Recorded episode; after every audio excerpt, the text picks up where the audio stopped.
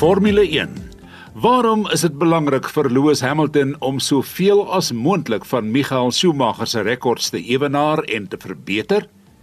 En daar is nog steeds mense wat glo hy is nie die beste nie, maar hy ry wel die beste motor voormalige wêreldkampioen 1992 en IndyCar wenner 1993 Nigel Mansell skets die scenario, die Hamilton scenario volgens hom en hoekom hy dink Hamilton doen goed deur Ayrton Senna sowel as Michael Schumacher se rekords te laat spat. Well, it's very difficult to compare in different eras because Ayrton was driving against uh, Alan Prost, Nelson Piquet, myself, and a number of other great champions at the time.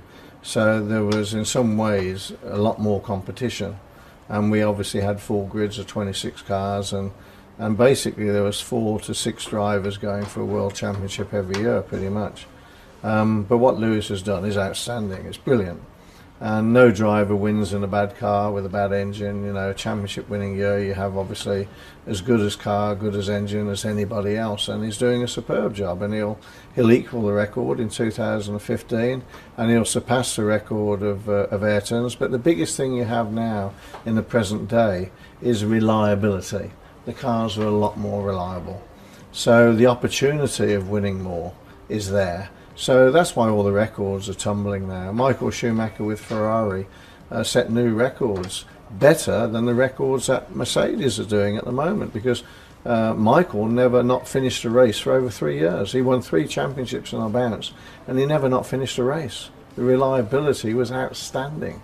And, and Mercedes have pretty much got that. They're doing a fantastic job.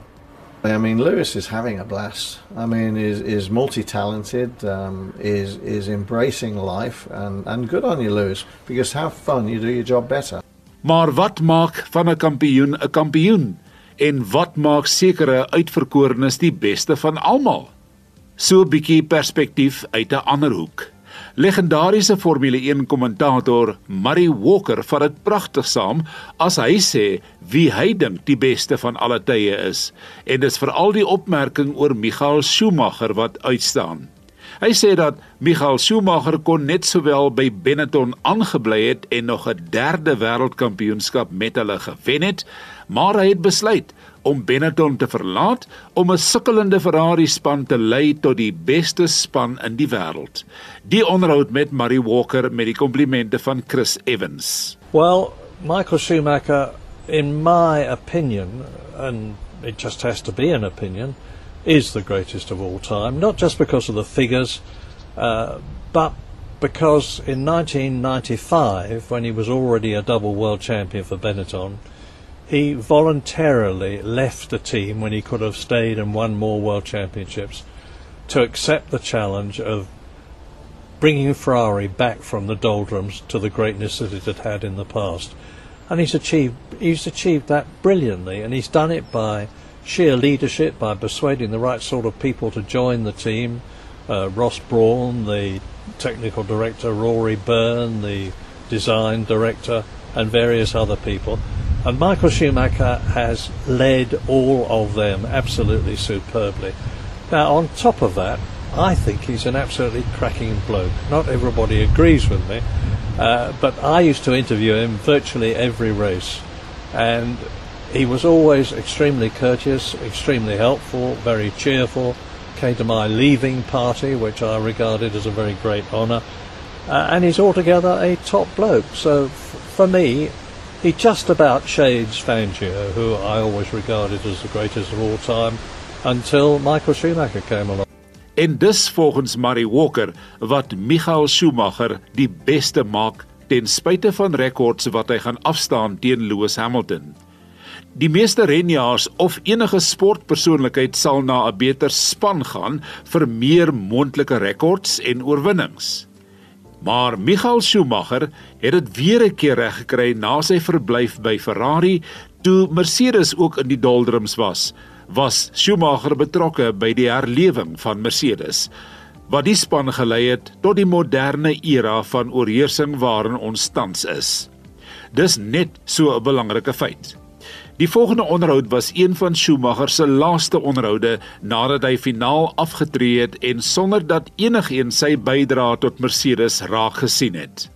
Weereens het Schumacher hierdie span geanaliseer, bymekaar getrek en bygedra as konsultant by die ontwikkeling van die pertinente dele van die huidige W11 motor. Selfs hy was verbaas dat Mercedes so gou hulle resultate kon omkeer wat tot die huidige Lewis Hamilton era bygedra het. Schumacher het na sy Ferrari era 3 jaar teruggegaan na Mercedes om hierdie sukkelende span te help. Die onderhoud deur Lee McKenzie. I've been positively surprised. They have established themselves and they have uh, been able to use all the resources in a way that they can, can keep the development uh, slope in a, in a positive trend, and uh, that's why they're where they are.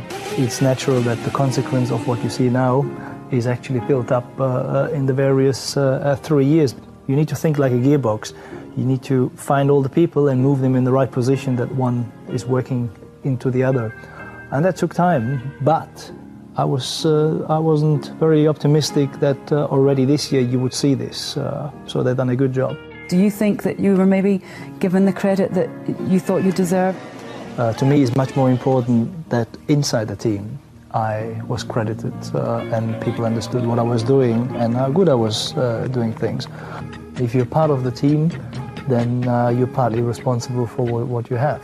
And I don't think in my last three years I ever complained against the team because those guys they work off their nuts uh, to make the best possible. It does take time, and, and sometimes it takes a bit longer, and sometimes it may doesn't uh, doesn't happen. But uh, still, you belong of that family, and uh, you got to do it uh, together. So you win and you lose together.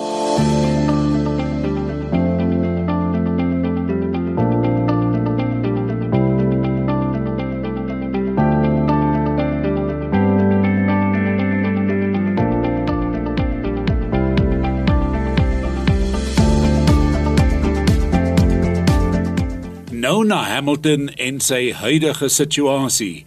Om die man wat algemeen gesien word as die beste renjaer ooit volgens data en wat Michael Schumacher se rekords een vir een laat spat. Alhoewel baie sportpersoonlikhede altyd sal sê rekords is nie belangrik nie of ek hou nie rekords dop nie, is dit nie in werklikheid so nie. Die rekords praat vir jare nadat jy dit opgestel en verbeter het. Michael Schumacher se rekord staan al vir 16 jaar. Mense onthou nie hoe jy dit bereik het nie, maar in die geval van Schumi het ons reeds die punt probeer staaf. Die kenners weet dat jy daardie rekord opgestel het want jy het hard daaraan gewerk. Maar vir die res word die uitslae opgeteken in die rekordboeke en as daar gepraat word, word daai rekordboeke as maatstaf gebruik.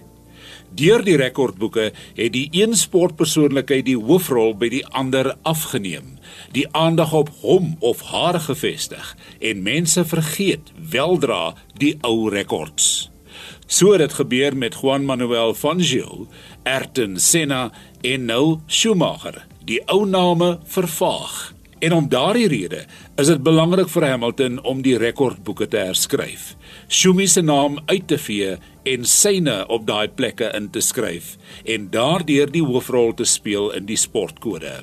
Oor 'n dekade sal dit Hamilton wees wat die beskrywing die beste van die reste op hom sal verenig. So, rekords is belangrik vir enige sportpersoon of span. Kom ons kyk bietjie na die Lewis Hamilton Formule 1 rekords.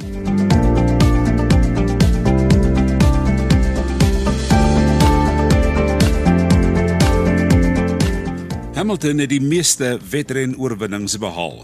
94 oorwinnings oor 264 wedrenne, bykans 40% van alle wedrenne waarna hy deelgeneem het die meeste ononderbroke wedrendeelnames vanaf die Australiese Grand Prix in 2007 tot die 2020 Turkse Grand Prix. Hy het die meeste agtereenvolgende wedrenne voltooi sedert die 2018 Britse Grand Prix tot die 2020 Turkse Grand Prix, 47 in totaal. Die meeste verskillende Grand Prix, 28 en ook op die meeste verskillende Formule 1 bane in totaal, 29. Die meeste tuisrenne op die Silverstone baan, 7 keer. Hy was die voorloper in die meeste wedrenne vanaf wegspring tot geruite vlag, 22 Grand Prix en wel oor 'n totale afstand van 25597 km. 'n Gunsteling rekord van Michael Schumacher is sy 8 oorwinnings in die Hongaarse Grand Prix, Hamilton ewenaar die rekord van jaar. Die meeste wedrenne in 'n Mercedes enjin, eers met McLaren wat toe met 'n Mercedes enjin deelgeneem het en toe later vir die Mercedes span self. Hy wen 73 keer met Mercedes aandrywing.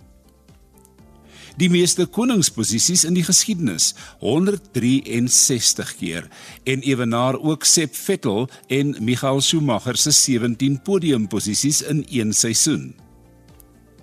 Hy het die meeste loopbaanpunte opgestapel as enige ander jaar, 3738.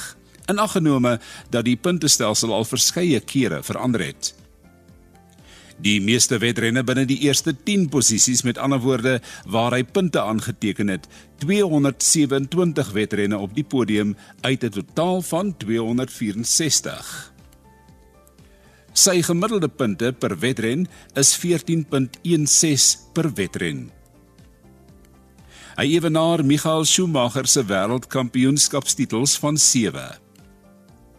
Maar iewers in sy geskiedenis kom die inligting kort dat hierdie ongelooflike Mercedes motor waarna hy sy titels gewen het, iewers op daai motor is die handtekening van 'n Duitser.